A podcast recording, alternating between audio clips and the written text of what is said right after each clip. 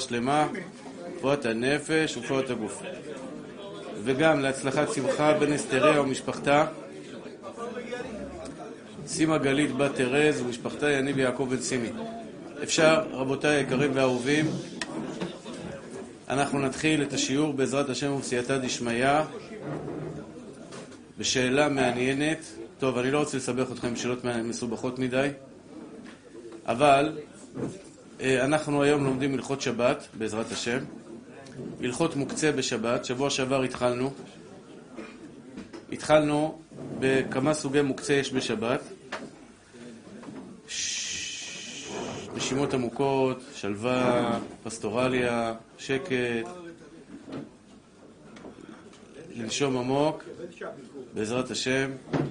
אחים יקרים ואהובים שלי, מתוקים שלי, צדיקים שלי, בואו נלמד תורה כדי לשמח את בורא עולם, ובעזרת השם השיעור יהיה להצלחת כל חיילי צבא ההגנה לישראל, האהובים שלי, המתוקים האלה, שמוסרים נפשם עבורנו, ואנחנו כבר מתחילים ככה להתרגל, ואסור להתרגל.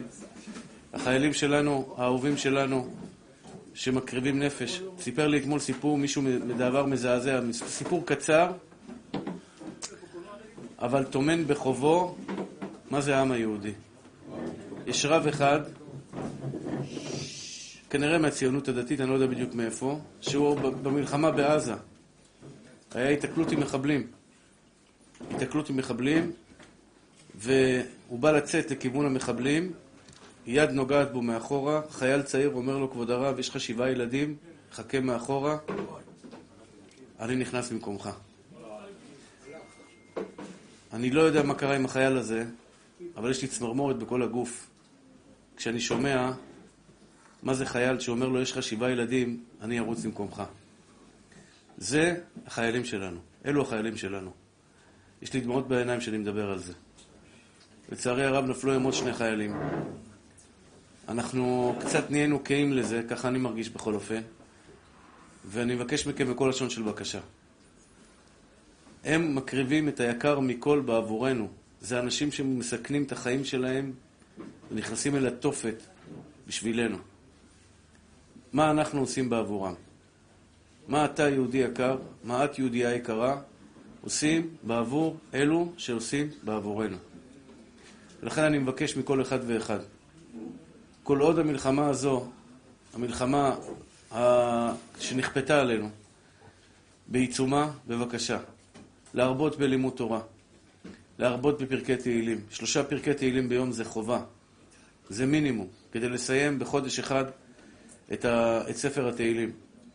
להרבות בסניגוריה על עם ישראל, לדברים דברים טובים, לא לדבר לשון הרע, לא לחפש את, ה, את השני בדברים קטנים, אדרבה, לחפש אותו בדברים טובים, לאהוב יותר, לפרגן יותר.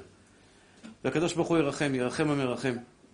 אז השיעור יהיה להצלחתם של חיילי צבא ההגנה לישראל ולשחרורם המהיר, בעזרת השם, של כל שבויי עמו ישראל שנמצאים בשבי, בשביה, שיחזרו הביתה בריאים ושלמים לעבודתו יתברך, אמן כן יהי רצון.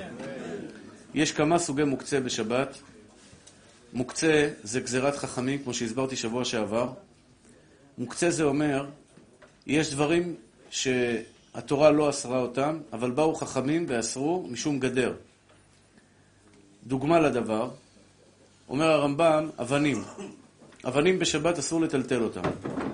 אבנים שיש לנו בחצר, אבנים שיש לנו ברחוב, אסור לטלטל אבנים. אומר הרמב"ם, למה גזרו חכמים שאסור לטלטל אבנים בשבת? גזרה שמי יבוא ויעסוק כל היום בעבודה. התורה לא רצתה שתעבוד בשבת, היא רצתה שתנוח בשבת. יום שבת יום מנוחה. והגויים הבינו את זה. פעם הגויים היו צוחקים על היהודים שהם נחים בשבת. איזה בטלנים אתם. יום בשבוע שאפשר לעבוד התנ"ך, ככה צחקו הגויים על היהודים. היום הגויים הבינו שכשאתה נח יום אחד, אתה נותן תפוקה הרבה הרבה יותר גבוהה בשישה ימים הנותרים, ולכן אמרו, אצל עשה יומיים. הם עושים גם שבת וגם ראשון. הם נחים יומיים ועובדים חמישה. זאת אומרת, התורה רצתה שבן אדם ינוח בשבת. לא תעבוד בשבת. אם יהיה מותר לך לסכל אבנים ולסדר אבנים בשבת, אתה לא תנוח בשבת. באו חכמים ואמרו, אל תטלטל אבנים בשבת. זה דוגמה, דבר אחד, שתקנו חכמים שאסור לטלטל. זה סוג אחד של מוקצה. זה נקרא מוקצה מחמת גופו. אני אסביר כמה סוגי מוקצים. לא את כולם, כי יש הרבה סוגים. כמה סוגי מוקצים שיש לנו בשבת. התחלתי שבוע שעבר, במקרה הקלאסי, של כלי שמלאכתו לאיסור. אסור לטלטל מצית בשבת בסיטואציה מסוימת, גזירה שמת תבוא להדליק את המצית בשבת. אם אני אגיד לך, תשמע, אם אחד יבוא אליי, ישאל אותי, כבוד הרב, בא לי לשחק עם המצית, לא, לא להדליק אש. כתוב בתורה לא תבערו אש בכל מושבותיכם ביום השבת, אני לא רוצה להדליק אש. אבל אני רוצה לשחק עם המצית, לטלטל אותה ממקום למקום, לעשות בה כל מיני דברים. אמרו לך חז"ל, אסור לך לטלטל מצית בשבת. למה? גזירה הגיונית. שמה תבוא להדליק אש. אם יתירו לך עכשיו לשחק עם העט, יתירו לך עכשיו עט, עט כתיבה. יתירו לך, בוא תיקח לך עט כתיבה, תשחק איתו, תעשה איתו מה שאתה רוצה. בקלות יתרה אתה תבוא לידי כתיבה של כמה אותיות. לכן אמרו חכמים, גדר, אסור לטלטל, זה נקרא כלי שמלאכתו לאיסור. יש הרבה דברים שנכנסים בק... בקטגוריה של כלי שמלאכתו לאיסור. כל כלי שמלאכתו אסורה בשבת, בין מדאורייתא בין מדרבנן, אסור לטלטלו בשבת. אבל מותר לטלטלו לצורך גופו ומקומו. נתתי לכם כמה דוגמאות. כמה דוגמאות של כלי שמלאכתו לאיסור שבוע שעבר. אני אחזור עליהם בקצרה כדי לרענן לכם את הזיכרון. עט, כלי שמלאכתו לאיסור. סיר בישול, לא להתבלבל, זה כלי שמלאכתו לאיסור. אה, יש בסיר בישול גם תשמיש שמשתמשים בו כאחסון, ככלי לאחסון אוכלים, נכון? הסיר משמש שני דברים, אחד לבשל בו, ואחד מאחסנים בו במקרר. אבל מה עיקר תשמישו? בישול. אני תמיד תמיד שואל, מה עיקר היצרן שייצר את, את הסיר, את, את, את הדבר הזה, מה עיקר התשמיש שלו? להיתר או לאיסור? להיתר או לאיסור? למשל, דוגמה אני אתן לכם. דרכון. קרה לי את זה בשבת במיאמי, אני חושב. האם מותר לי לטלטל את הדרכון שלי עליי? אני הולך ברחוב, חס ושלום, קרה לי פעם. קרה לי פעם שהייתי ב- לפני 25 שנה, 20-30 שנה, בניו יורק. הייתי שבת, הייתי עם כובע, קור כלבים, כובע של כזה, כובע כזה על הראש, וג'קט כזה, מעיל ארוך כזה חם. עצרו אותי FBI, עצרו עם המכונית, עלו על המדרכה, יצאו בנשקים שלופים. האמת שאני מבין אותם כי הייתי נראה באמת מחבל. הייתי נראה מסוכן מאוד. היה לי זקן קטן, בוא נגיד שהייתי נראה מהבני דודים, מאוד דומה לבני דודים. ועצרו אותי, ו-ID, ותזדהה וכולי, ולא היה לי, אמרתי לו, שבת, תודה שבת, בוט, שבת, שבת, עד שהוא ראה שבסדר, זה לא זה. אמרתי לו, אני יהודי וכולי, אני שבת, לא מטלטל. אז השאלה היא האם מותר לטלטל דרכון בשבת. אדם נמצא באומן. בשבת באומן. עכשיו, אני לא יודע בדיוק מה הביקורת, אבל לפעמים שוטר עוצר אותך, תזדהה בבקשה. דרכון זה כלי זיהוי. יש מחלוקת בפוסקים, האם דרכון נקרא כלי שמלאכתו לאיסור, או כלי שמלאכתו להיתר. דרכון, אוקיי? אני טוען, אני חושב, יש פוסקים שאומרים שדרכון, מה כביכול, מה התפקיד של דרכון? התפקיד של דרכון, להשתמש בו במעבר גבולות. נכון? אתה נוסע לחוץ לארץ, אתה לוקח איתך דרכון. עכשיו, אין לך דרכון. אין לך דרכון עליך עכשיו. כן, אני... לא, תעודת זהות ודאי זה כלי שמלאכתו להיתר. תעודת זהות ודאי שמותר. אם יש עירוב, תעודת זהות זה כלי להזדהות, זה לא כלי ל... זה רישיון נהיגה, עוד מעט אני אדון איתכם. רק אם אה, תיתנו לי, תיתנו לי לדבר. אז אה, דרכון, דרכון, יש פוסקים שאומרים שדרכון הוא כלי שמלאכתו לאיסור. למה? כי הדרכון הזה מיועד למעבר גבולות. ומעבר גבולות אסור בשבת. אז זה כלי שמלאכתו, לכאורה, זה כלי שמלאכתו לאיסור. ככה טוענים חלק מן הפוסקים. לעניות דעתי הקטנה, אין שום בעיה בדרכון, מותר לטלטל דרכון בשבת, והוא כלי שמלאכתו להיתר, לא לאיסור. להיתר. למה? למה דרכון הוא כלי שמלאכתו להיתר? אני לא עובר בעזרת הדרכון מארץ, ממדינה למדינה. הדרכון, גם כן אני לא עובר ממדינה למדינה בעזרת הדרכון. אני מזדהה על ידי הדרכון. מה זה נקרא מזדהה על ידי הדרכון? אני מזדהה, עכשיו הם רואים שזה אני, ושאני תושב ישראל, על ידי הדרכון הישראלי, וממילא אומרים, אוקיי, אתה ישראלי, יש לך כניסה למעבר. לא נכנסתי בעזרת הדרכון, ישבתי על הדרכון כמו שטיח מעופף ועפתי עליו. זה, זה לא כלי ש, שבעזרתו אני נכנס לחוץ לארץ. זה כלי שאני מזדהה, ועל ידי הזיהוי, זה שני שלבים.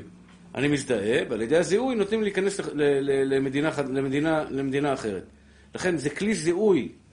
כלי זיהוי, אין בו משום... וחוץ מזה, חוץ מזה, שדרכון מיועד הרבה פעמים, יש אנשים ש... אז זה התעודת זהות שלהם. תעודת זהות שלהם. כלומר, כשאני בארצות הברית, מה תעודת זהות שלי? מבקשים ממני עכשיו אה, אה, תעודת זהות. לא משנה, אתה נכנס עכשיו לבניין בבורסה ב-47 שם, בארצות הברית, ביהלומים. מבקשים לך תעודת זהות בכניסה. מי אתה? מה אתה? איך אתה נכנס? איפה אתה נכנס? לאן אתה נכנס? אתה מראה להם, דרכון, זה, זה תעודת זהות. כשאני, כשאני נכנס הברית הוא משמש אותי ככניסה. אבל כשאני נמצא הברית הוא משמש אותי כתעודת זהות. לכן הכלי, הדרכון מותר, אבל שימו לב רבותיי, כשאמרתי לכם שמותר לטלטל דרכון, צריך לבדוק, הדק היטב היטב הדק, כשיש עירוב במקום. יש איסור שאנשים לא יודעים ממנו, שנקרא הוצאה מרשות היחיד לרשות הרבים. למה אנשים לא יודעים ממנו? כי בארץ כולם מטלטלים. סומכים על הרב עובדיה שמתיר לטלטל. בארץ, אתה רואה אנשים עם זקן, הולכים עם הטלית ביד לבית הכנסת. לוקחים בורקסים לבית הכנסת, לוקחים סוכריות לבית הכנסת, לוקחים אלון מהבית הכנסת הביתה. כן? אתה רואה במו עיניך שאנשים מטלטלים ברשות הרבים, אתה אומר, אם היהודי הדתי הזה, שאני מכיר אותו בתור בן אדם דתי, מטלטל ברשות הרבים, סימן שזה מותר, וזה לא נכון. זה לא נכון. ההיתר שמותר בארץ הקודש, ברוך השם זכינו בארץ ישראל היפהפייה והמדהימה והטובה, שיש לנו עירוב. כל מדינת ישראל, כל ארץ ישראל היפהפייה והאהובה שלנו, ללא יוצא מן הכלל, אין מקום כמעט אחד בארץ שיש בו, ש, שאין בו עירוב. עירוב זה צורת הפתח שעושים סביב העיר. תלך למושב, תעשה סיבוב סביב המושב, תראה שיש יש, uh, עמודים, עמודי מתכת כאלה, עם חוט מעליהם. כל הארץ מסובבת בזה. כל, בכל כל גבולות ארץ ישראל. זה מתיר לטלטל היום ברשות הרבים. אבל כשאתה נוסע לחוץ לארץ, אנשים לא יודעים את זה, זה, זה חשוב שתדעו את זה. אתה נמצא בבית מלון במיאמי, כן? אתה נמצא בבית מלון במיאמי, יש מקומות במיאמי שיש עירוב, איפה שיש הרבה יהודים, בהליווד, מקומות כאלה, יש מקומות שאין עירוב. אין עירוב. אין שם מספיק יהודים, זה עולה הרבה כסף לעשות עירוב. אז אסור לך לטלטל שום דבר, אפילו כיסם שיניים, ביציאה מהבית. אפילו כיסם שיניים. אתה נמצא בצרפת, בשנדליזה, אני יודע, באיזה מקום כזה בבית מלון שם בפריז. אסור לך בשום פנים ואופן לטלטל אפילו כיסם שיניים, טישו, שום דבר שלא יהיה לך בכיס כשאתה יוצא מבית המלון, היינו בפראג. בפראג, בשבת אחרי האוכל, קצת יצאנו לטייל ב- ב- ב- באזור, כן? ואמרתי לאשתי, פה זה לא ארץ ישראל, לבדוק את כל הכיסים. אסור להוציא גרם אחד של, של דבר בעולם לרשות היחיד, לרשות הרבים. מהבית, שעון מותר. שעון מותר, גם בזה יש מחלוקת, יש פוסקים שמחמירים בשעון, הם מקלים בפתק, בפתיק, בפתק פיליפ, פתק פיליפ, פתק פיליפ, או רולקס או פתק פיליפ, יש כאלה שמקלים. למה? למה? כי זה תכשיט. יש אנשים שיש להם רולקס, לא עובד, אבל הוא הולך איתו, זה יפה בזה, תכשיט בעיניו, זה בסדר גמור. אבל הרב עובדיה מתיר כל שעון. הבנת? זה מחלוקת אם מותר לשאת לשעון בשעון לרשות הרבים, המסקנה של הרב עובדיה, מרן רבנו עובדיה יוסף, שמותר לצאת, מותר לצאת בשעון, אה, מותר לצאת בשעון אה, ברשות, לרשות הרבים. אם אתה מחמיר ורוצה לקנות שעון לשבת שעשוי מזהב, אה, שהוא, תכשיט בפני עצמו, תבוא עליך ברכת השם. אז, אז שימו לב רבותיי, כשאני מדבר, מפתחות אסור, בארץ מותר. בארץ מותר. למשל, אני אתן לך דוגמה, מקסיקו, ונצואלה, ברזיל, ארגנטינה, כל המדינות האלה, יש מקומות שיש עירוב, יש מקומות שאין עירוב. צרפת, אה, אה, אה, אוסטרליה, הרבה, יש מקום, כל העולם ברוך השם יש בו יהודים. היהודים שם, איך ייקחו מפתח מהבית, איך יצאו מהבית בלי מפתח? הם עושים חגורה מיוחדת, חגורה, כשהלשונית של החגורה היא בעצם מפתח. החגורה שמכניסים, הלשונית שנכנסת לחור של החגורה, היא עשויה בצורת מפתח, מגיעים לבית, פותחים את החגורה, פותחים את הבית, מחזירים את המפתח. ככה הם עושים כדי שיוכלו לטלטל מפתחות ברשות הרבים. בלי זה, בלי זה, אסור לטלטל שום מפתח בשום פנים ואופן אם אין עירוב. זאת אומרת, אתה מגיע למדינה, אתה שובת שם בשבת, אתה צריך לבדוק עם הרבנים של המקום, אנשי חב"ד, האם יש פה עירוב או אין פה עירוב. אם זו מדינה מלאה ביהודים, כמו ניו יורק, כמו מיאמי, כמו צרפת ברובעים מסוימים, אנגליה ברובעים מסוימים, במקומות מסוימים, אה, יש שם הרבה יהודים, בדרך כלל דואגים לעירוב. אבל אם אין שם הרבה יהודים, אתה נמצא באוהיו, באריזונה, בכל מיני מקומות אה, רחוקים, אין שם עירוב, אסור לטלטל בשום פנים ואופן. למה אמרתי את זה? כי אני אמרתי לכם שדרכון, דרכון מותר בטלטול, הוא לא נקרא מוקצה. למשל באומן, באומן, בפושקינה, יש שם פושקינה ויש שם את הציון של, של רבנו, כן? אז באומן יש, יש שלטים כאלה מסו, מסו, מסוימים, עד כאן העירוב. לא כל אומן יש בה עירוב, אומן זה רוסים, מה צריכים עירוב? הסביבה של הציון של, של רבנו של רבי נחמן, היא, היא, היא בדרך כלל, יש בה, יש בה עירוב. הרבנים שם דאגו שיהיה עירוב. אבל אסור לך לצאת עם דרכון מחוץ לתחומי העירוב. אז הנה, דרכון לדוגמה. דרכון, אני עושה לכם בסוף השיעור מבחן, רבותיי, אתם חייבים להיות ערניים, אל תעשו לי בושות, אני רוצה שתעברו את המבחן. האמת היא שזה דבר מאוד הגיוני, לא צריך להיות גאון גדול. אבל בארץ אני אגיד שהדרכון הוא כלי שמלאכתו לאיסור? לא, בארץ כלי שמלאכתו להיתר. אתה שואל. בא לי עכשיו, אני אוהב דרכונים בכיס. אליהו. אבל סתם אתה נוגע בדברים, זה לא צריך לגעת. לא, מותר. השאלה אם זה מוקצה או לא מוקצה. התשובה היא, זה לא מוקצה. משקפי שמש, כלי שמלאכתו להיתר, כלי שמלאכתו להיתר זה דבר שדבר שרגילות לעשות איתו פעולות מותרות. כלי שמלאכתו לאיסור זה דבר רישיון נהיגה. האם רישיון נהיגה זה כלי שמלאכתו להיתר או לאיסור? אל תשאל אותי למה צריך רישיון נהיגה בשבת. זה לא שאלה רלוונטית. אני עכשיו לא דן האם מותר ללכת עם זה או אסור ללכת עם זה. יש לי עכשיו מגירה שיש בה דרכון ותעודת זהות ו... אה, ו... ורישיון נהיגה. מותר לי לפתוח את המגירה הזאת או אסור לי לפתוח את המגירה הזאת? זו השאלה הנשאלת. התשובה היא, דרכון לא נקרא מוקצה, רישיון נהיגה לא נקרא מוקצה. אפילו שרישיון נהיגה כביכול, כביכול מיועד לנהיגה, כל הכבוד. אני לא נוהג עם הרישיון נהיגה, אני מזדהה עם הרישיון נהיגה. רישיון נהיגה זה סך הכל כלי הזדהותי. ולכן, כיוון שכל המטרה שלו זה רק להזדהות, רישיון נהיגה לא נקרא כלי שמלאכתו לאיסור. כרטיס אשראי לעומתו, כרטיס אשראי, ש, אה, זה כלי שמלאכתו לאיסור. כי אני צריך, עם הכלי, זה לא כלי הזדהות, זה לא כלי הזדהות, זה כלי שאני מגהץ בעזרתו. ולגהץ בשבת, לגהץ בשבת, אסור. לכן, אה, רבותיי, הרב מדבר, אני מבין שיש לכם שאלות, אבל תהיו סבלניים, מתוקים שלי. במיוחד, אה, אה, לא משנה. בבקשה, נא להיות בשקט, רגועים. אם יש לך לחץ נפשי מאוד קשה, שאתה חייב להוציא משהו מהפה, תנשום דרך הבטן, קח לך כמה טיפות, כמה מנדרינות, קח לך יום חופש ותירגע. אני חוזר, רבותי היקרים. תודה רבה, חכם שלום על הכוס תה, השם ישמרך ויחייך. ברוך אתה, אדוני, אלוהינו מלך העולם, שהכל נהיה בדברו. הרב, אם יש טלפון בתוך המגירה, אתה יכול לפתוח את המגירה? עוד מעט אני אלמד את זה, עוד מעט נלמד את זה.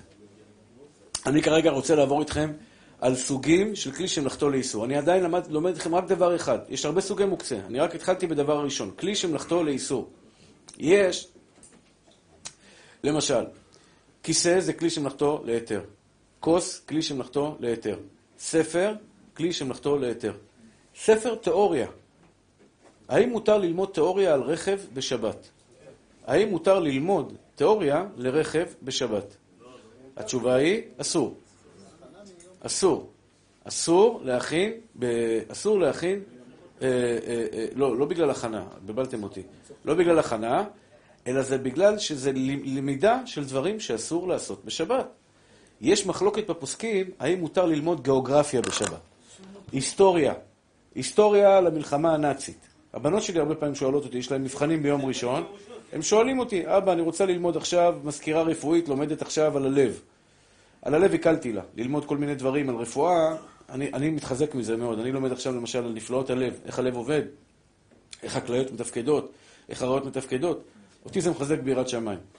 כי יראה שמך, מעשה אצבעותיך, ירח וכוכבים, אשר כוננת. מה ההמשך? אשר, אדוני אדוננו, מאדיר שמך בכל הארץ. אני מתפעל מגדולתו של הבורא יתברך כשאני לומד את נפלאות הבריאה. כשאני לומד ממה הלב שלי עשוי, כמה ניסים ונפלאות קורים לי בתוך הגוף, אני מבין את חוכמתו האדירה והנפלאה של בורא עולם משתבח והתעלה שם עולם. אז זה אפשר להקל. אבל יש מחלוקת בפוסקים, האם מותר לקרוא עיתון חדשות בשבת? עיתון צנוע. יש עיתונים שאסור לנגוע בהם.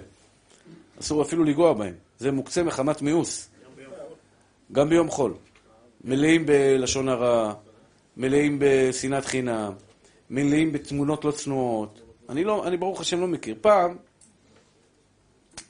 זה היה ידוע, בתור ילדים היו מזהירים אותנו לא לקרוא ידיעות אחרונות, לא לקרוא מעריב, לא לקרוא את כל העיתונים האלה. אה, הארץ, בר מינן, השם ירחם ויציל, או כל מיני, כל מיני דברים כאלה. יש בזה, יש בזה שלוש עבירות חמורות שבתורה. עבודה זרה, כפירה, המון פעמים יש שם מאמרים של כפירה. יש בזה אה, גילוי עריות, הרבה פעמים תמונות, תמונות לא צנועות, ויש בזה גם כן, חס ושלום, אה, לא רציחה, לא רציחה אבל אה, לשון הרע, לשון הרע ורכילות, שזה דומה לרציחה. לכן, זה אני לא מדבר. אני מדבר על עיתון דתי, דתי, כותב חדשות, שכותב חדשות. כן, כותב חדשות. האם מותר לקרוא חדשות בשבת? זה לא קשור למוקצה, אבל זו שאלה מאוד מעניינת. האם מותר לקרוא ספרי חול בשבת? ספרי תורה, דברי תורה, ודאי מצווה, מצווה גם מצווה, כן, ודאי. כמה שירבה הרי זה משובח. זה נקרא דברי, דברי תורה. אבל מה הדין בדברי, בדברי חולין? יש בזה מחלוקת. לפי הרשב"א זה אסור, אה, ויש ראשונים שסוברים שזה מותר. מרן משמע מדעתו להחמיר, אבל ככה, מרן הרב עובדיה טוען שהמנהג להקל בזה. אבל צריך להיות מאוד מאוד בהגבלה. כלומר, שנייה. ככה, לכתחילה, אם אתם שואלים אותי, אל תיגעו בספר חול בשבת כלל וכלל. אני לא זוכר את עצמי, מימיי. קראתי פעם ספר סיפורים שלא הרגשתי טוב, קראתי סיפורים. שבת אחת לא הרגשתי טוב, הרגשתי ממש חלש, לא היה לי כוח ללמוד, קראתי סיפור.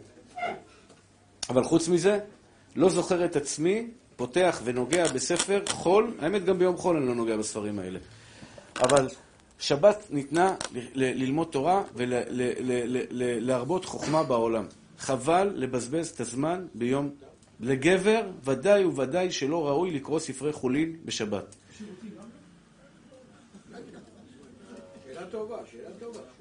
אני לדעתי, מי שנכנס עם טלפון לשירותים, באמצע הסדר, באמצע לימוד תורה, זה ביטול תורה דאורייתא. כן, כן, אני מדבר, סתם ככה, העלית לי, הרמת לי להנחתה.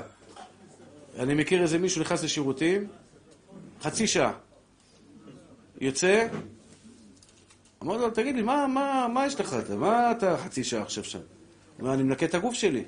אמרתי לו, אתה מנקה את הגוף שלי או שאתה עובר שם על כל הסרטונים וכל הזה? אתה נכנס לשירותים, אדם נכנס לשירותים, באמצע שיעור, באמצע לימוד תורה, נכנס עם טלפון, או שהוא משחק משחקים, עד שלא נגמר המשחק הוא לא יוצא, עד שלא נגמר הוא רואה סרטונים, עד שלא נגמר לו כל הסרטונים הוא לא יוצא. ביטול תורה, נשמה, מה אתה עושה? לא חבל לך על הזמן בחיים? אתה מבזבז את החיים שלך להבל וריק? צריך להתפנות, מתפנים, מנקים את הגוף, יאללה, צא החוצה, תמשיך ללכת עם התורה, חבל על הזמן. לכן אני אומר, מי שקורא ספרים חינם מכבודכם בשירותים, אם זה באמת לא מעכב אותו, בסדר, מותר. יש מקום להחמיר. יש מקום להחמיר, גם בשירותים בשבת, לא לקרוא ספרי חולים. אמרתי לכם שזה מחלוקת בראשונים. זה מחלוקת בראשונים, האם מותר לקרוא ספרי חולין בשבת. ספר עכשיו, חולין, לא חס ושלום ספר רומן. בר מינן, בר מינן, השם ירחם ויציל. אה? סתם ספר עלילתי כזה. הארי פוטר תקרא, 800 עמודים. מה- הארי פוטר בטריפוליטאית. זה יפה. תעשה הוצאה לאור הארי פוטר בטריפוליטאית, ואז דדו. בויה. בויה. יפה, זה סטארט-אפ יפה. בקיצור, אני אוהב את יודע, אני אוהב אותה מאוד. אני יוצא טריבוטים כל שבוע מלכלך. אני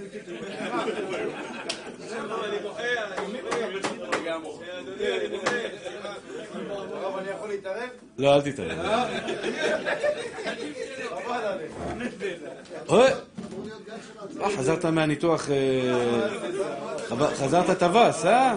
אבל אתה גיבור, השתבח שם הולד. טוב, נמשיך הלאה רבותיי.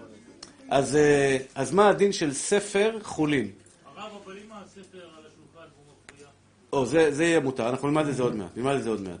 אוקיי, נעשה עכשיו סדרה של כמה דברים קטנים, ואז אני רוצה להמשיך ולהסביר לכם בעצם את כל הנושא הזה של, אה, של, אה, של מוקצה מחמת כלי שמלאכתו לאיסור. יש כלי שמלאכתו לאיסור רגיל, פטיש, מסמר, ניקח מהר, כן? אה, פטיש, מסמר, כל, הדבר, כל הכלים שמיועדים, שאסור להשתמש בהם בשבת.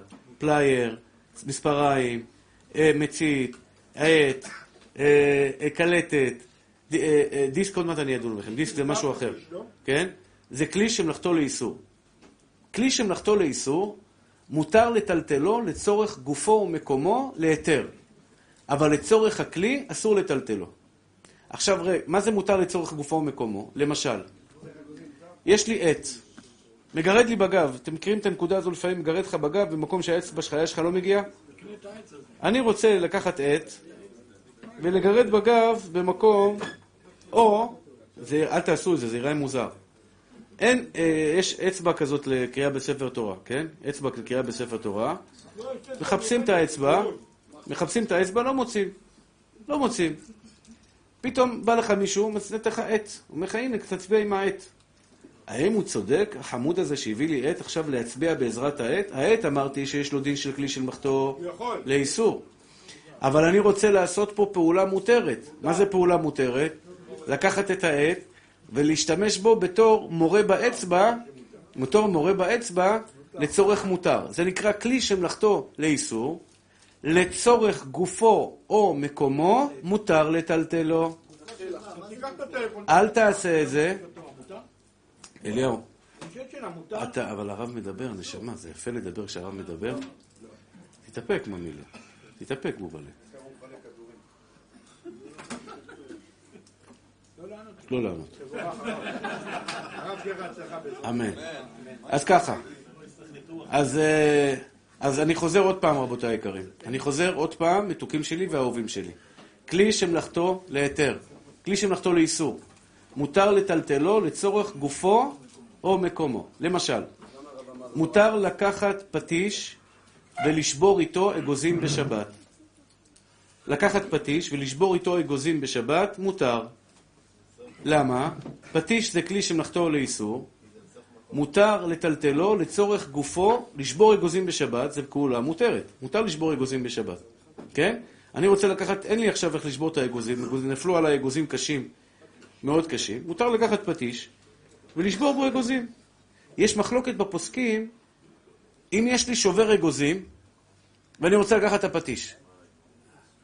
יש לי שובר אגוזים, אבל בא לי על הפטיש. בא לי להוריד את העצבים שלי עם פטיש, לקחת פטיש, טראח, טראח, טראח, טראח, טראח. האם כשיש, אם אין לי כלי אחר ואני רוצה להשתמש בכלי שמלאכתו לאיסור, אה, מותר. אבל יש לי כלי אחר. יש לי כלי אחר. ואני רוצה עכשיו להשתמש בכלי האחר, הכלי האסור, לצורך דבר המותר. התשובה היא שזה מותר. מעיקר הדין זה מותר. גם כשיש לך כלי אחר, זה מותר, אה, אבל המחמיר בזה תבוא עליו ברכת השם. עכשיו רגע, לפני שאני רוצה, יש פה נקודה מאוד חשובה שצריך לדעת. עוד מקרה כזה, אני בא בלילה לישון, אה, לישון על, ה, לישון על, ה, על המיטה, והנה אני מגלה שיש שם טלפון. טלפון נייד. זה מאוד שכיח. שכח, שכח, הילדים שכחו, טלפון נייד. מה הדין של טלפון נייד? אבל לפני שאני אומר לכם טלפון נייד, סלולרי, אני חייב לתת לכם הקדמה קטנה. יש מושג שנקרא כלי שמלאכתו לאיסור, שיש עליו עוד איסור אחד, שהוא נקרא מוקצה מחמת חסרון כיס. מוקצה מחמת חסרון כיס. אומרת הגמרא, דבר, למשל סכין של שחיטה, זה המקרה הקלאסי של מוקצה מחמת חסרון כיס. מה זה סכין של שחיטה? סכין של שחיטה זה אומר, הסכין מיועדת לשחיטה. מותר לשחוט בשבת או אסור לשחוט בשבת? יפה. אסור. הכל לחולה מותר. הכל לחולה מותר. אבל זו פעולה אסורה. כלי נקרא כלי שמלאכתו לאיסור. סליחה.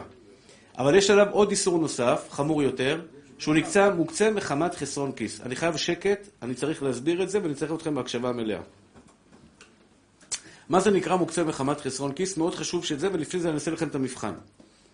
מוקצה מחמת חסרון כיס זה אומר שאני משתמש בכלי הזה אך ורק, אך ורק לפעולה העיקרית שלו, שזה שחיטה, ולא לשום דבר אחר, אפילו לא סימניה בספר. אפילו לא סימניה בספר. הוא כל כך יקר, וכל כך מיוחד, וכל כך שביר, שאני לא אשתמש בו כסימניה בספר. אני אגיד לכם מה, למה סכין של שחיטה זה המקרה, סכין של שחיטה וסכין של מילה. מי שיודע מה זה סכין של שחיטה, אסור שיהיה בו, בסכין של השחיטה, כששוחטים את הבהמה, אפילו פגימה קלה שמרגישים בציפורן.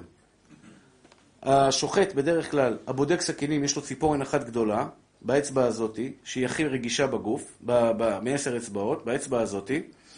האצבע הזאתי יש לו ציפורן קצת יותר גדולה, ואתה בודק את הסכין לפני השחיטה, בודק את הסכין לפני השחיטה, הולכה והבאה, הולכה והבאה, הולכה והבאה, שלוש פעמים, בודק שאתה לא מרגיש אפילו טק, טק, אתה יודע, אפילו פגימה קטנה.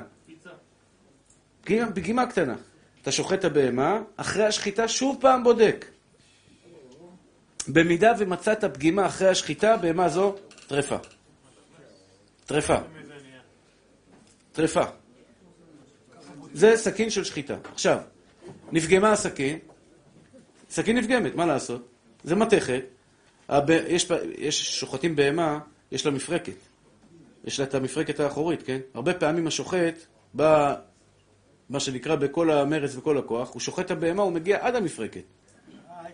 עד העצם של המפרקת. ואז זה בעצם נוגע, הסכין נוגעת במפרקת, מה קורה? בום!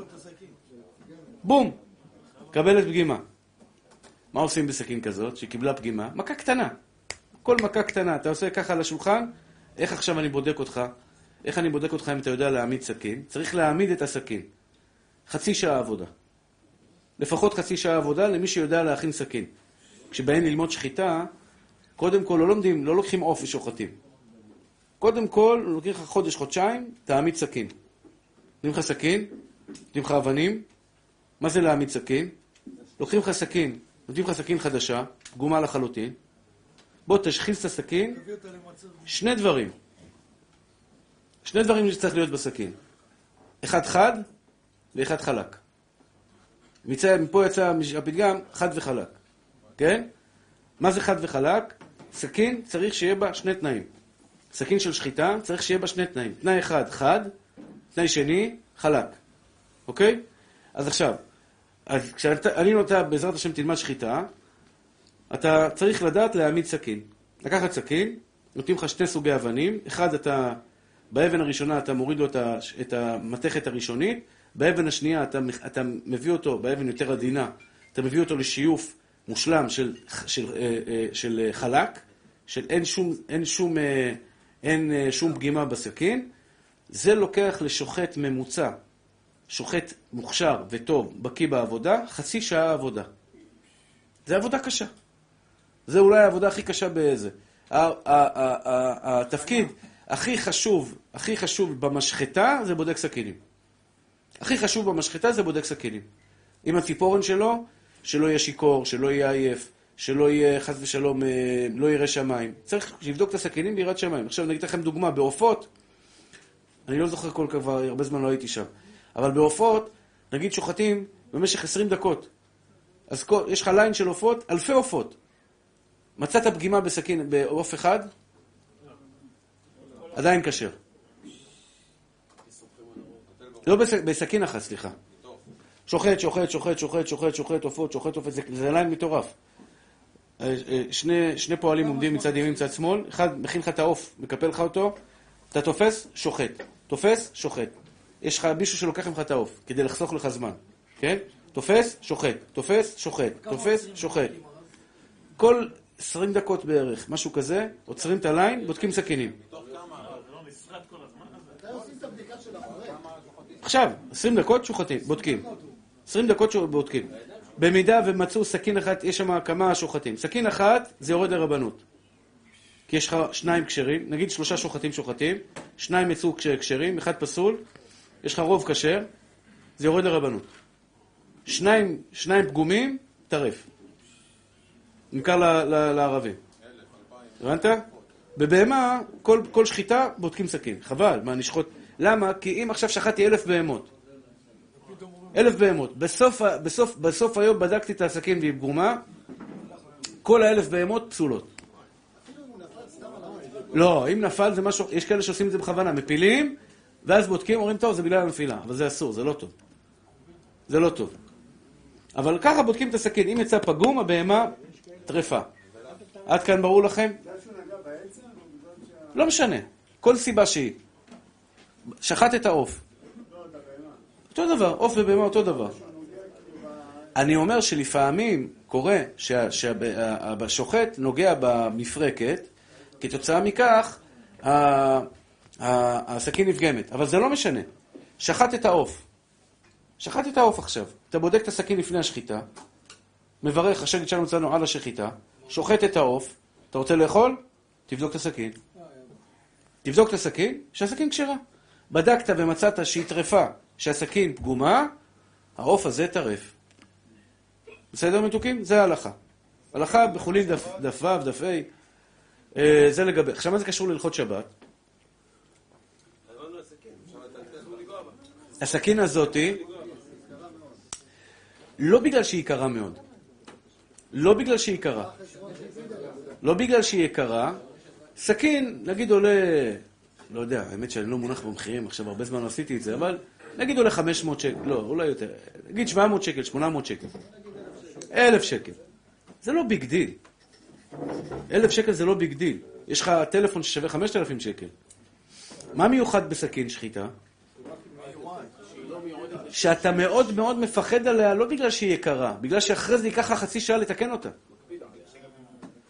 אתה לא תיקח לעולם סכין של שחיטה ותשתמש בה כסימנייה בספר שלך. לעולם לא. למה? או לחתוך תפוז. בדיוק, יפה מאוד. אתה לא תיקח עכשיו סכין שחיטה, תחתוך בה תפוז. לעולם לא. ואם אתה תעשה את זה, אתה, אתה, לא, אתה לא נורמלי. לא, לא, זה לא הגיוני. כי, כי, כי אה, במהלך החיתוך של, ה, של התפוז, הקילוף של התפוז, אתה בקלות יתרה יכול לפגום בסכין, ויעלה לך מחיר כבד של אחרי זה להעמיד אותה חצי שעה. אף אחד לא עושה את זה. ואם אתה עושה את זה, אז זה כנראה שאתה לא שוחט. אז אצלך זה יהיה מותר. זה אב, בני- בניין אב לכל מוקצה מחמת חסרון כיס. אני חוזר, שם דגש, רבותיי היקרים. כדי, מוקצה מחמת חסרון כיס זה, זה, זה מוקצה חמור. אסור להשתמש בו אפילו לצורך גופו ומקומו. מוקצה מחמת חסרון כיס, אסור להשתמש בו אפילו לצורך גופו ומקומו, זה ברמה הגבוהה של המוקצה. בשום פנים ואופן אסור לטלטל אותו. רגע, אני רוצה להגיע איתכם לטלפון, לכן אני אכין אתכם, אעשה איתכם הכנה. דיסק. דיסק. היום מתמעטים הדיסקים בעולם, יש mp3, יש הרבה דברים אחרים, היום בכלל הכל זה בטלפ, ב, ב, באינטרנט וכולי, אבל נגיד דיסק. אני טוען שדיסק אפילו עולה שקל.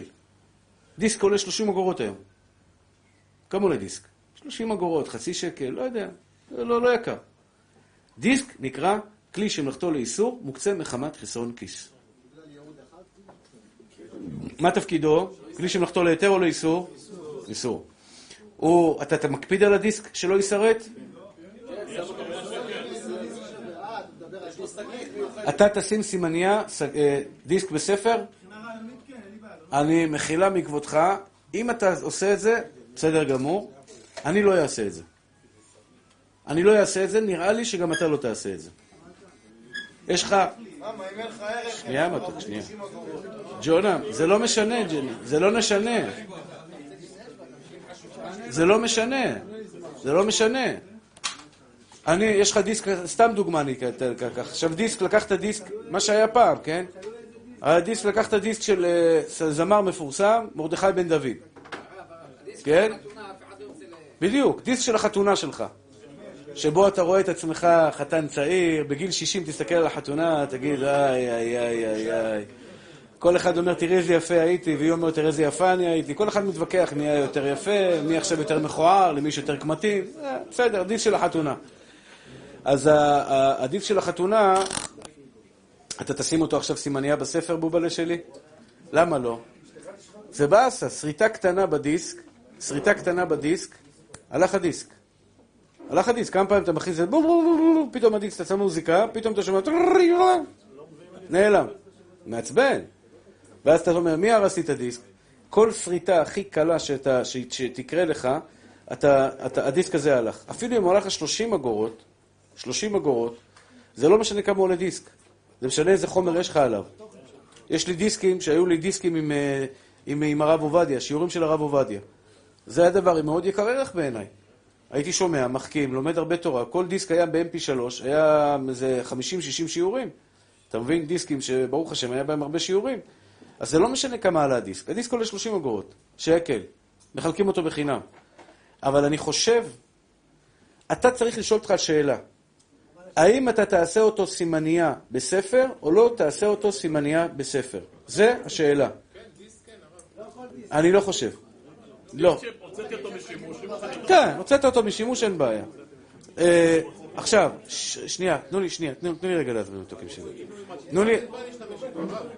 לא, לא, לא, כל אחד לפי לגופו. כל מקרה, אתה קובע, אתה קובע... אני חושב שכל דיסק הוא חשוב, כל עוד הוא יצא מכלל שימוש. היום, היום, רבותיי היקרים, הדיסק היום, אצלי בבית, אין לו שימוש. אין לי מכשיר שקולט דיסקים. אין. באוטו אין דיסקים. בבית, לא יודע, היה לנו פעם מכשיר דיסק אה, כזה... היה מכשיר של דיסקים, לא יודע איפה הוא בכלל, אין לי מושג איפה הוא. לא- מי משתמש בזה? היום יש לך טלפון, וי-פיי, שם לך מוזיקה והכל בסדר, אתה מבין? אז לכן היום, הדיסקים שיש לי בבית, הם לא מוקצה. הם לא מוקצה. יש לי דיסקים עם שיעורים שיש לי בבית, אתה יודע, מפעם. הם לא מוקצה, כי אני יכול להשתמש בהם אפילו עכשיו, אני יכול להשתמש בהם בתור אה, יעל ל- ל- לאשפה. אם אין לי עכשיו זה, אני אשתמש בהם בתור יעל. אין לי מה לעשות עם הדיסקים.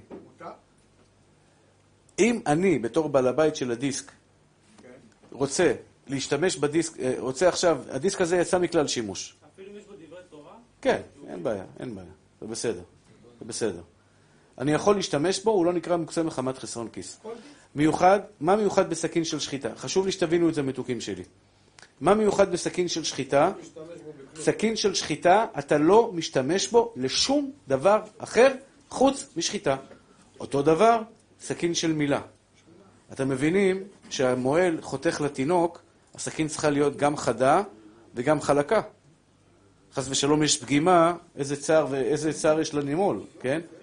הסכין, התינוק לא יהיה טרף, אבל... אה, אבל... אבל... לא משנה, אבל אסור, אסור לעשות ברית בשבת, זה לא נכון.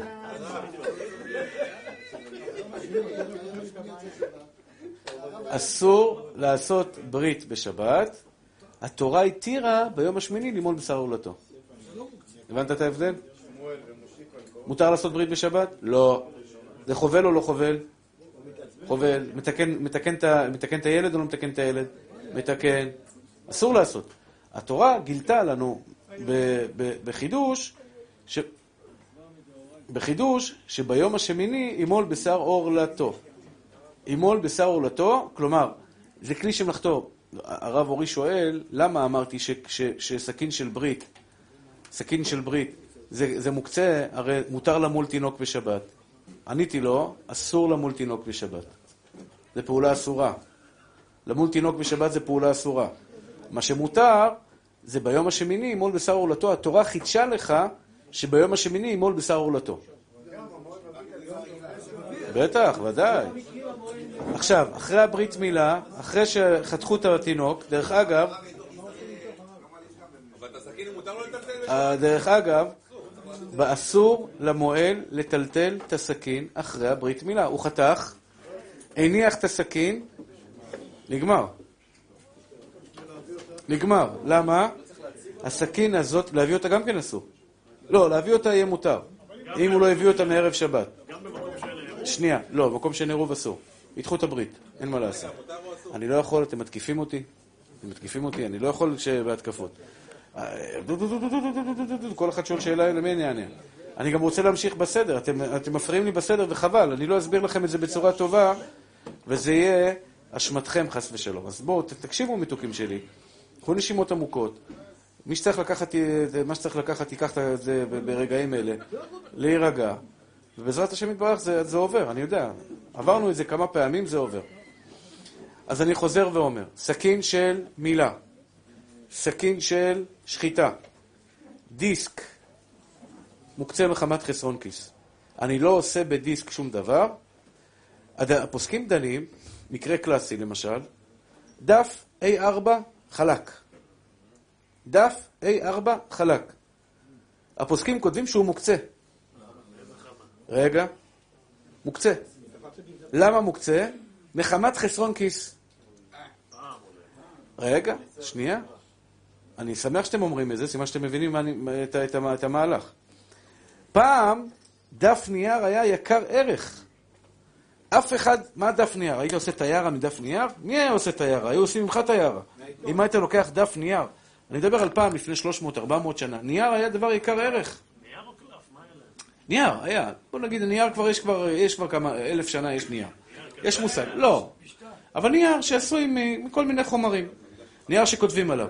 קודם כל, נייר, נייר זה כלי שמלאכתו להיתר או לאיסור. מה תפקיד הנייר? נייר, נייר A4. איסור. להדפיס עליו, אסור להדפיס בשבת, אסור לכתוב בשבת. אז קודם כל הנייר זה כלי שמלאכתו... רגע. או...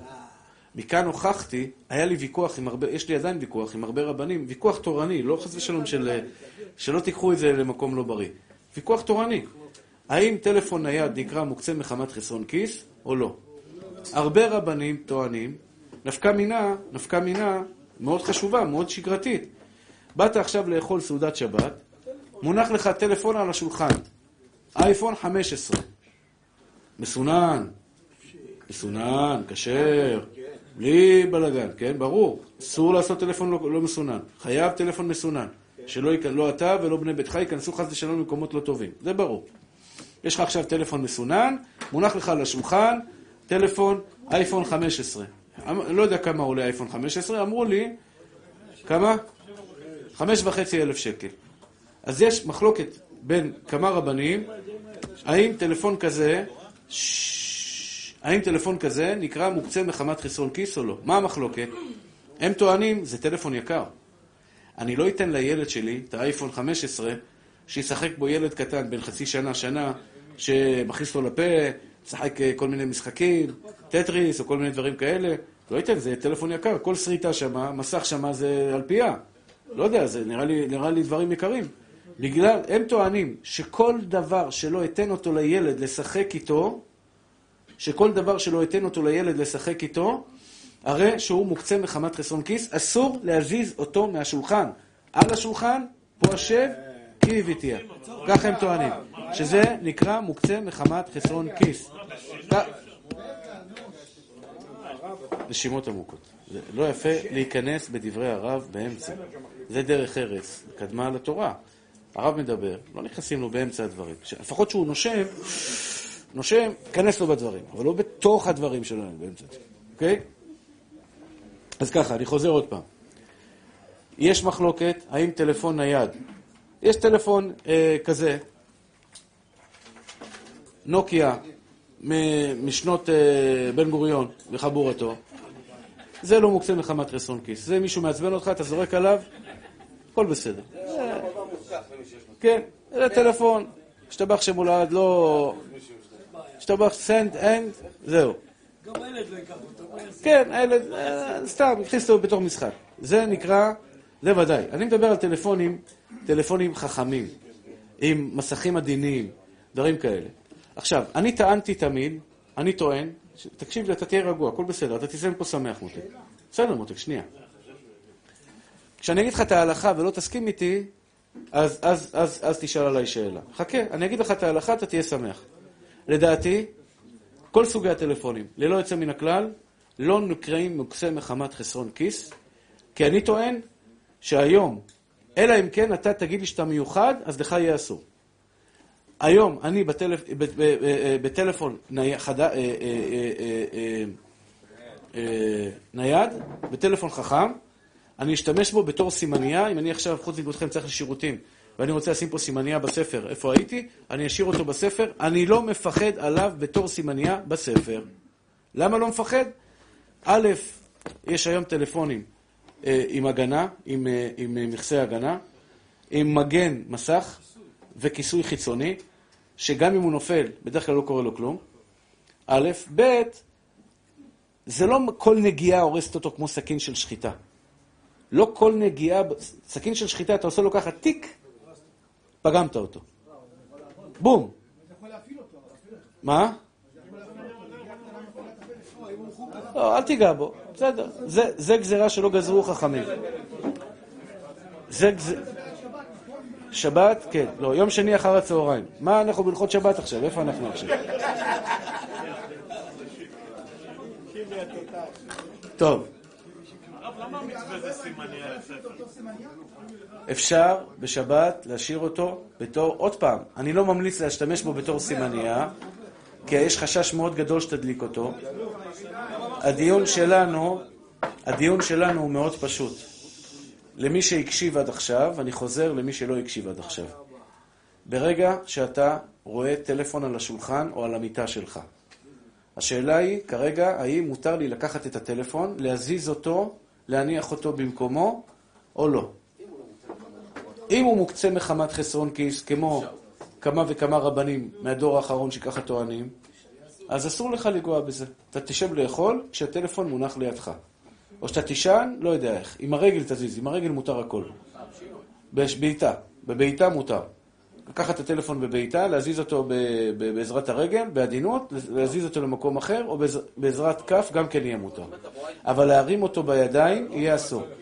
אבל אם נאמר שזה לא מוקצה מחמת חסרון כיס, אם נאמר שזה לא מוקצה מחמת חסרון כיס, מותר יהיה לך לקחת את הטלפון ולהזיז אותו ולהניח אותו במקום אחר. אני מצאתי היום ראייה, אתמול, אה, שבוע שעבר, מהרב עובדיה לדבריי. בסייעתא דשמיא, אני, אני תמיד טענתי שטלפון, גם טלפון נוקיה, לא נוקיה, סמסונג, אייפון, כל הטלפונים האלה, ללא יוצא מן הכלל הכי יקרים, אין להם דין של מוקצה מחמת חסרון כיס, כי אני משתמש בו כסימניה. עכשיו, אם יקום פה אחד ויגיד, כבוד הרב, אתה משתמש, אני לא משתמש, אז בשבילו יהיה אסור לטלטל את הטלפון שלו בשבת.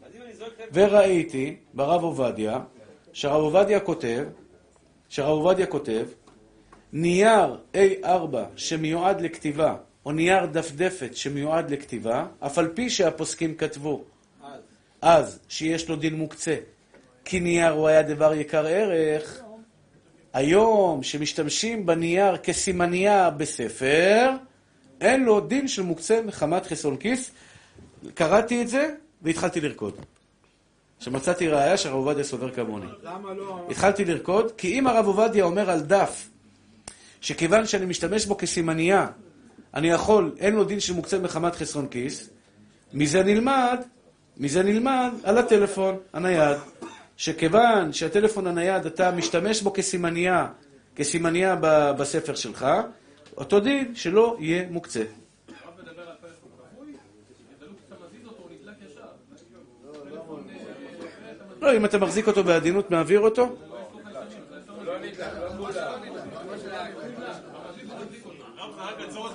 אז למה לא, אז למה לא כמו הנייר? לא סתם עכשיו מגיע. כמו אבנים בשבת שהיו מדליקים אש פעם וזה קשה? אז אותו דבר, היה קשה פעם, היום זה כבר להדליק את האש, בשנייה אחת אתה מדליק אותה. אז מה השאלה? מה אתה שואל? למה לא מתירים להדליק את האש בשבת? היה קשה, נכון? אמרו בגלל שבשבת... מה זה קשור? אמרו לך אסור להדליק אש. פעם היה לרצוח, פעם כדי לרצוח היה צריך סכין, לקפוץ עליו, להתגבר עליו, לדקור אותו כמה דקירות עד שהוא ימות. היום, תיק. אז יהיה מותר להרוג? או בשלט, כמו שאומר אה, מומחה לענייני... בזה. עם שלט. אפשר לחזור לטלפון. מה? רגע, שאלת שאלה, אתה זורק פצצה והולך? חתכת אותי, אני לא יכול לשאול את זה, אתה צודק. אל תשאל שאלות שטותיות. טוב, סליחה. השאלה הבאה לא שטותית. אם יש לו אייפון 15, הבן אדם והוא מיליונר, מולטי מיליונר, זה לא מעניין אותו בכלל האייפון. אז ודאי שזה לא יהיה מוקצה. אז זה לא מוקצה, אז כלום אצל המיליונר לא מוקצה, הוא יכול לעשות מה שהוא רוצה. לא, יש דברים שהם כן מוקצה. סכין של שחיטה, גם אצל מיליונר יהיה מוקצה.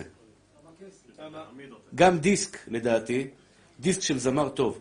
יש לך, נגיד, אתה עשיר ככוח, בעזרת השם, אתה עשיר? לא, לא. זה לא... בדיוק. זה לא עניין... אתה, אני מאחל לך שתהיה עשיר גדול.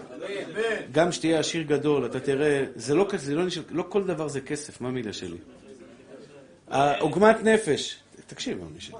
העוגמת נפש, יש לך דיסק עכשיו של זמר אה, מרדכי, אברהם פריד. אוקיי? אברהם פריד, זמר אברהם פריד, יש לך דיסק שלו. אתה אוהב שם שירים שבת, דברים שירים יפים, אתה אוהב אותם, אתה שם, אתה שם את הדיסק, שומע. אתה עשיר, יש לך מיליארדים.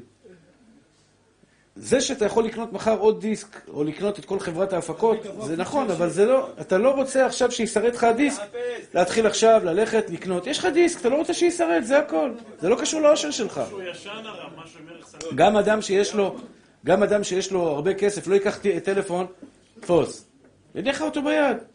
הוא יכול לקנות חברת, את כל חברת הטלפונים, אבל הוא לא יזרוק, כי למה עכשיו ללכת להרוס לי כדי לקנות חדש, אתה מבין? זה טיפשי, זה, זה, זה משהו שבן אדם לא יעשה.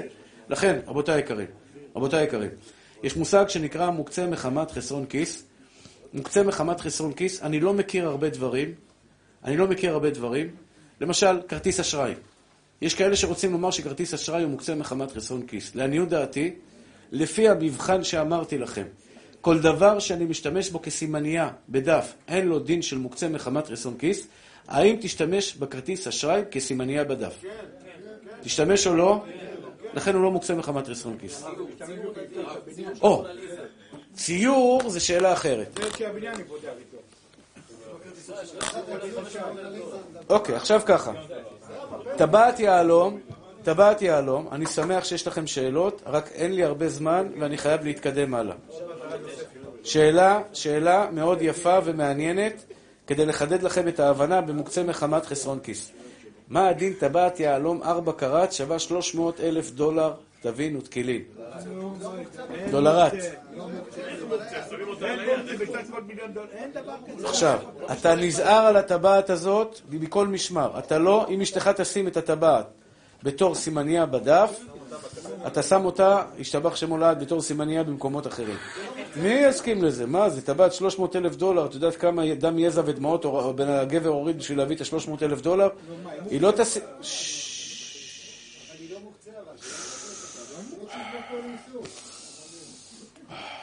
נשימות, נשימות. אני חוזר עוד פעם, לא להילחץ, אתם נלחצים כאילו אמרתי אסור, אני שואל, אנחנו לומדים ביחד מתוקים שלי, אנחנו לא... סיפרתי לכם שהייתי פעם בלאס וגאס, באיזה חנות, אז היה הרב פריאוף, הדוד דוד שלו גר שם, יש לו חנות תכשיטים. נכנסנו לחנות תכשיטים, ישר התקשרתי לאשתי, אני שמח אותה, יאללה, נקנה לזה תכשיט. נכנסתי לתכשיט, ההוא היה בטלפון, הבעלים, היה שם טבעות כאלה. אה, אז התחלתי לצלם לה, אמרתי לה, מה נשמע מהמילה שלי? אני פה בחנות תכשיטים, אני רוצה לשמח אותך, בואי תבחרי לך איזה משהו יפה. בתמימות אמרתי, חנות בלאס וגאס, מה יכול לקרות כבר? מה, אתה יודע, מה, יכול אה, להפתיע אותך? צלם לה, טבעת כזאת עם אבן כחולה, צלם לה את זה, צלם לה אחרי זה את הוורודה, צלם לה, מה את אומרת על הוורודה? אה, אחרי זה היה טבעת צהובה, צלם לה את הצהובה. בקיצור, עברתי איזה חמש-שש טבעות. אמר לי, הוורודה נראה לי, אבל תן לי רגע לחשוב. ואני קורא תהילים כמובן, ש... בקיצור, ההוא סיים את הטלפון, אמרתי לו, בוא, בוא רגע נשמה. תגיד לי, כמה זה? אה, זה 260 אלף דולר. זה 350 אלף דולר, זה מיליון וחצי. הוורודה מיליון וחצי. כן. זה מיליון וחצי דולר. פתאום אני קולט שאשתי צריכה לחזור אליי עכשיו. אתה מבין איזה פדיחה? תראה איך היא אומרת לי, אני רוצה את הוורודה. שבנו אליך בבושת פנינו, לשחח אל בצליחתנו. יא חביבי, איזה בלגן, איזה בלגן. בסוף, בסייעתא דשמיא גמורה, ובישועת השם כהרף עין, שהייתה מעל מעל הטבע, אשתי לא רצתה שום אחת. שום אחת, היא אומרת לי, זה לא, זה צבעוני, אני אוהבת לבן, אני אוהבת זה, אני אוהבת... יצאתי מזה בנס גם- נס גלוי. יא בויה, יא בויה. עכשיו, השאלה היא, שאל אותי אחרי זה, אה, תגיד את האמת, אם היא הייתה רוצה טבעת של 260 אלף דולר, היית קונה לה או לא היית קונה לה?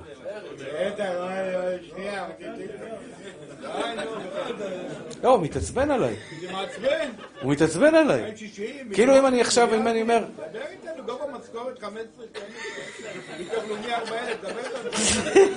ביטוח לאומי, קיבלתי. טבעת, תביא לו מילה אחת לתוך הגיוס של... טוב, אליהו זה לא יפה. אליהו, אליהו, זהו, קנה לה טבעת של ה... שבע צול, שבע צול של האינסטלציה. טוב, למה סיפרתי לכם את זה? סיפרתי לכם את זה כדי לרענן לכם קצת את ה... אספר לכם סיפור מעניין שלא קשור לשום דבר כרגע. רק אם היה לך טבעת עכשיו, אם אשתך היה לה טבעת, בעזרת השם ובסייעתא דשמיא, שתקנה לאשתך טבעת של מיליון וחצי, בעזרת השם מיליון וחצי דולר, זאת אומרת זה בערך חמש מיליון שקל, אז בעזרת השם, האם הטבעת הזאת בשבת יש לה דין של מוקצה או אין לה דין של מוקצה? זו השאלה. האם יש לה דין של מוקצה או אין לה דין של מוקצה? יפה מאוד רבי פסח, כל הכבוד. התשובה היא, התשובה היא, הטבעת ביהלום לא, אפילו שהיא יקרה שלוש מיליון דולר, ארבע מיליון דולר, לא נחשבת כמוקצה בשבת. כי הטבעת היא כלי שמלאכתו להיתר, ולא כלי שמלאכתו לאיסור. אני תמיד אמרתי שכלי שמלאכתו לאיסור ומוקצה מחמת חסרון כיס. צריכים להיות בו שני תנאים כדי להיות מוקצה מחמת חסרון כיס. כלי שמלאכתו לאיסור ומוקצה מחמת חסרון כיס. פה, בדיוק, שעון, יפה מאוד. יש לך שעון, יש לך שעון שווה ריצ'רד מיל, אמרו לי ככה, אני לא, לא, ברוך השם, לא מכיר את השעונים האלה. אה, מישהו אמר לי, אתה רואה את השעון שיש לו על היד? מיליון דולר. שלוש וחצי מיליון שקל. שלוש נקודה שש מיליון שקל, שעון ריצ'רד מיל. זהב, טללים, יהלומים, לא יודע מה יש שם. אין לי מושג. מיליון וחצי דולר, מיליון דולר, שעון. מותר לטלטל את השעון הזה בשבת? התשובה היא, מותר גם מותר. למה מותר? כי זה כלי שמלאכתו להיתר.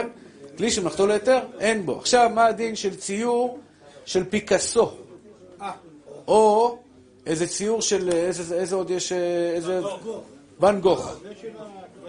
או... קדישמן. מי זה קדישמן? קדישמן של הכבשים. באמת? לא היה במושב אה, מצליח? איזה מושב הוא היה? אה, חשבתי הוא טריפוליטאי.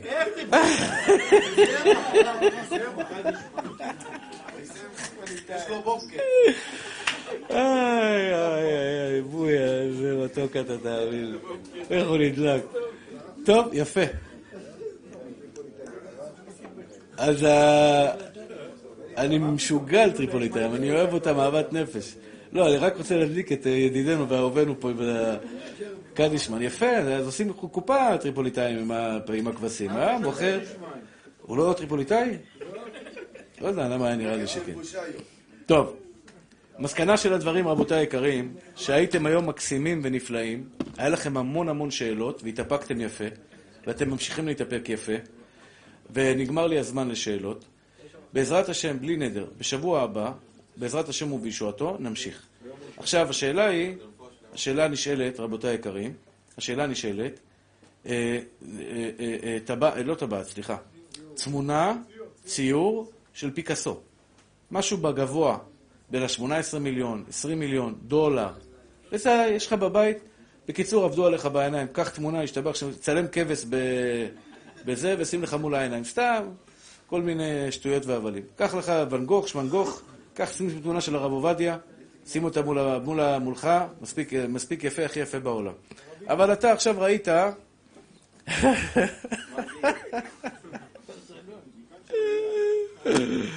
יש אחד באמריקה, אני כל פעם נזכר בסיפור הזה, אני נקרע.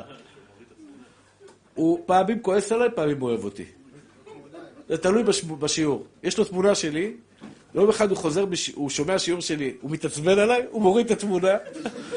שיעור אחרי זה הוא נרגע, הוא רואה שהרבי גם בסדר, מחזיר את התמונה, אשתו אומרת, תגיד לי, מה יש לך ממנו? אשתו סיפרה לי את זה. כל יום, כל פעם שיש איזה שיעור שאמרתי איזה משהו שמעצבן אותו, טראח, מוריד את התמונה. טוב. היום הוא יוריד? כל פינה שאני מסתכל עליו. טוב. איפה זה חוסר לך? הרב, כל פינה שאני מסתכל עליך אתה מחייך אליי. אז אפשר תמונה או לא? אפשר לטלטל תמונה, כן. התשובה היא, מותר, של פיקאסו, מותר לטלטל. אני מאוד אשמח לענות לכם לשאלות, אבל נגמר לי הזמן. ואני חייב לעבור ללכות לשון הרע. וגם אחרי השיעור אני מאוד מאוד ממהר, אני קצר בזמן היום. יש לי שיעור ויש לי עוד אירוסין להגיע. אז לכן אני, אני, מחר יש לי גם בעזרת השם, מחר אני צריך לעבור אה, ניתוח בברך בעזרת השם.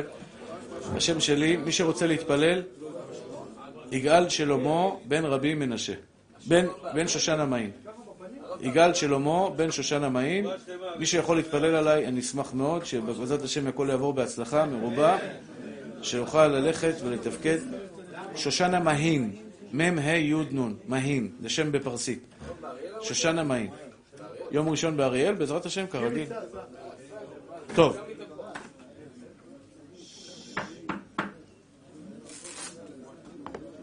לשון הרע, רבותיי, אה, אה, לשון הרע, למה הקדוש ברוך הוא לא נגזר דינם של ישראל, כך אומרת המשנה במסכת ערכין, לא נגזר דינם של ישראל, לא על גילוי עריות, לא על עבודה זרה ולא על שפיכות דמים, אלא בעבור עוון לשון הרע. לשון הרע, לצערי הרב, זה לא מחלה, זה תסמין של מחלה. מה זה תסמין של מחלה? חום זה מחלה? חום זה מחלה? מה זה חום?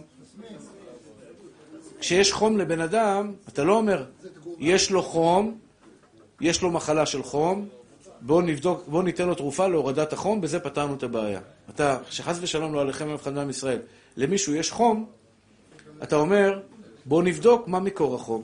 דלקת, חיידק, חס ושלום איזה מחלה אחרת בגוף, כל מיני דברים כאלה. זאת אומרת, חום זה רק תסמין. הקדוש ברוך הוא כל כך כועס על לשון הרע, כי לשון הרע זה תסמין.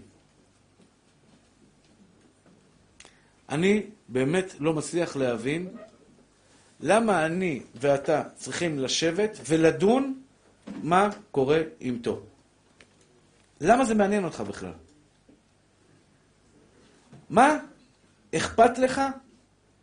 מה מציק לך? מה מעניין אותך? מה קורה אצל הבית של השכן? ואני משתגע מזה, אחי. משתגע. מדי פעם באים אליי, לא מספרים לי מה מדברים עליכם אחרי הגב. אתמול בא מישהו, אמר לי, אתה יודע כמה מדברים איתי עליך בשכונה? על ביע עומר, מה הוא עשה, הרס את השכונה. הרסתי את השכונה? בית מדרש, 130 אברכים לומדים תורה. אלא מה? קנאה. מה קנאה? יפה מאוד. אז זה המחלה. המחלה יותר עמוקה. אני אומר לך, ככה הוא אמר לי ככה, ואני אומר לך את האמת. לא כאב לי שדיברו עליי, אני כבר, ברוך השם, רגיל לזה. זה לא הפריע לי. הפריע לי... מה מפריע לך? זה בניין גבוה. הוא הכי גבוה בשכונה. הוא בולט. הוא בולט. בא רב ספרדי, עשה בניין גבוה. די יפה. אה? פרסי אתה אומר. ו, וברוך השם, הבניין הזה הולך לעשות דבר, בעזרת השם דברים טובים לעם ישראל. תאר לך שנצליח בשבתות למלות אותו ב-200-300 חבר'ה, לא של... 100, 100 חבר'ה של חילונים שבאים להתחזק. שבת, אתה יודע, יוצאים כל שבת 100 חבר'ה, 100 חבר'ה, 100 חבר'ה, 100 חבר'ה. לא כל שבת, אני לא יודע אם אני יכול לעשות את זה כל שבת, אבל מהחבר'ה שיוצאים משבת מחוזקת, נביא להם רבנים, נביא להם פייטנים, נביא להם אוכל טוב, נגיד להם דברים שמחה. זה דבר שיכול לעשות מהפכה בעם ישראל. דבר גדול בעם ישראל.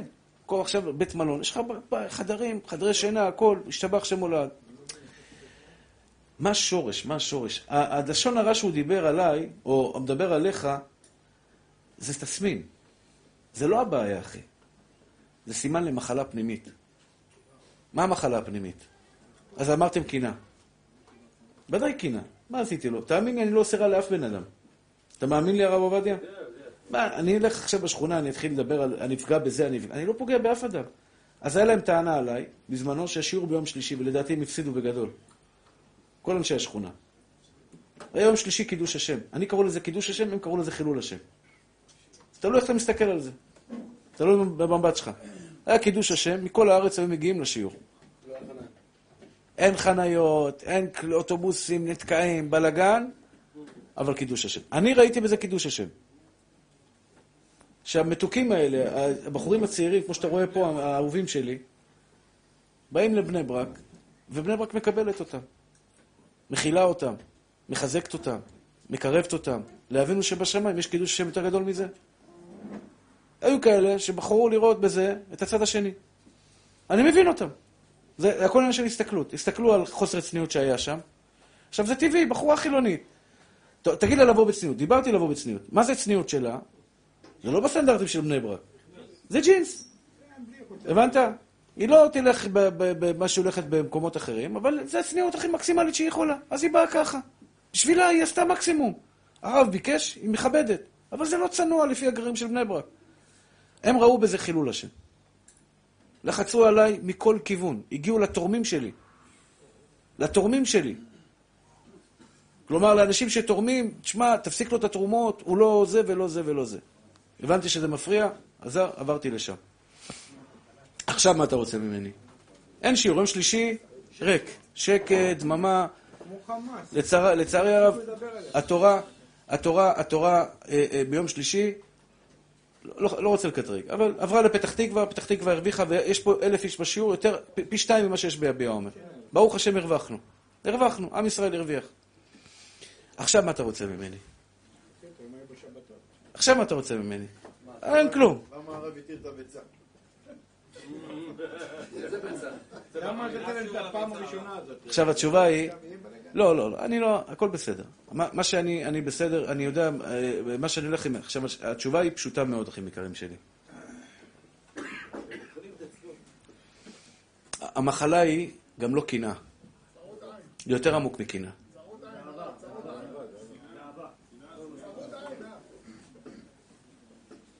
חילוני מקנא ברב או לא מקנא ברב? למה לא?